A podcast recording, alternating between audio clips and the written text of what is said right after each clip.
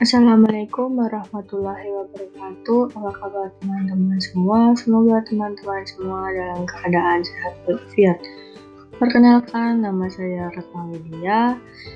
Uh, pada kesempatan ini saya akan menyampaikan uh, sebuah materi dari mata kuliah jurnalisme kewarganegaraan terkait dengan topik latar belakang sejarah lahirnya konsep jurnalisme kewarganegaraan.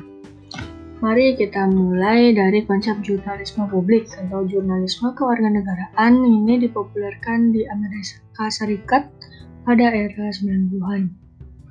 Konsep tersebut lahir dari kegelisahan Rosen melihat kinerja jurnalistik media Amerika yang berjarak antara apa yang ditampilkan wartawan dengan apa yang diinginkan warga masyarakat.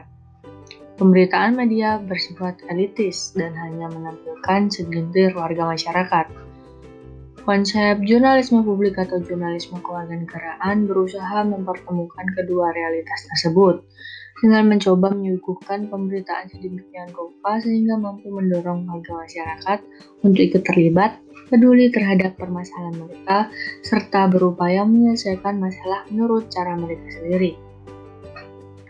Jurnalisme kewarganegaraan adalah praktik jurnalisme atau pemberitaan tentang masalah yang menyangkut kepentingan umum di tengah masyarakat dan melibatkan warga negara.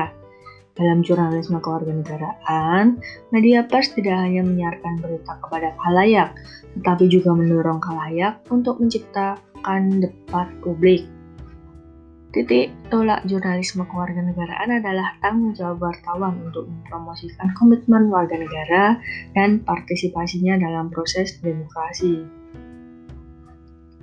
Nah, kita lanjut ke jurnalisme di Indonesia. Bagaimana jurnalisme di Indonesia? Nah, jurnalisme di Indonesia ini dapat dibagi menjadi dua fase, yaitu fase jurnalisme kolonial dan jurnalisme nasional. Dalam sejarah jurnalisme di Indonesia dimulai saat Belanda menjajah Indonesia. Kemudian kita lanjut pada sejarah pendudukan Jepang ya. Di dalam pada atau pada masa pendudukan Jepang ini, dunia pers di Indonesia dikendalikan berdasarkan Undang-Undang Penguasa Osamu Seiri nomor 16 tentang pengawasan badan-badan pengumuman dan penerangan dan pemilikan pengumuman dan penerangan pasal 3 Uh, berdasarkan ketentuan penguasa Jepang tersebut, semua surat kabar yang terbit pada masa Hindia Belanda dihentikan penerbitannya karena dianggap dapat mengganggu keberadaan Jepang. Kemudian kita beralih pada masa pemerintahan Soekarno. Di masa pemerintahan Soekarno ini, surat kabar memiliki peran penting sebagai sarana penguatan warga negara Indonesia dan sebagai pelindungan dari hasutan yang disebarkan Belanda melalui media massa mereka. Namun sayangnya, setelah kedudukan Indonesia sudah semakin kuat dengan dibubarkannya Republik Indonesia Serikat dan diakunya kedaulatan Indonesia sebagai Republik Kesatuan berdasarkan Undang-Undang Dasar Sementara, peranan jurnalistik mulai tergoyahkan. Kemudian kita lanjut kepada pemerintahan Soeharto. Setiap orang selama memiliki modal diperbolehkan menerbitkan media massa berupa surat kabar atau majalah tanpa memerlukan pengesahan pihak mana pun. Namun justru karena itu, setiap surat kabar dan majalah berlomba untuk menerbitkan tulisan sebanyak-banyaknya dengan agak sedikit mengesampingkan mutu dan kualitas media pada masa itu. Ah, permasalahan baru nih yaitu muncul media yang berisi konten pornografi yang bebas disebarluaskan karena tidak hanya pembatasan mengenai hal itu.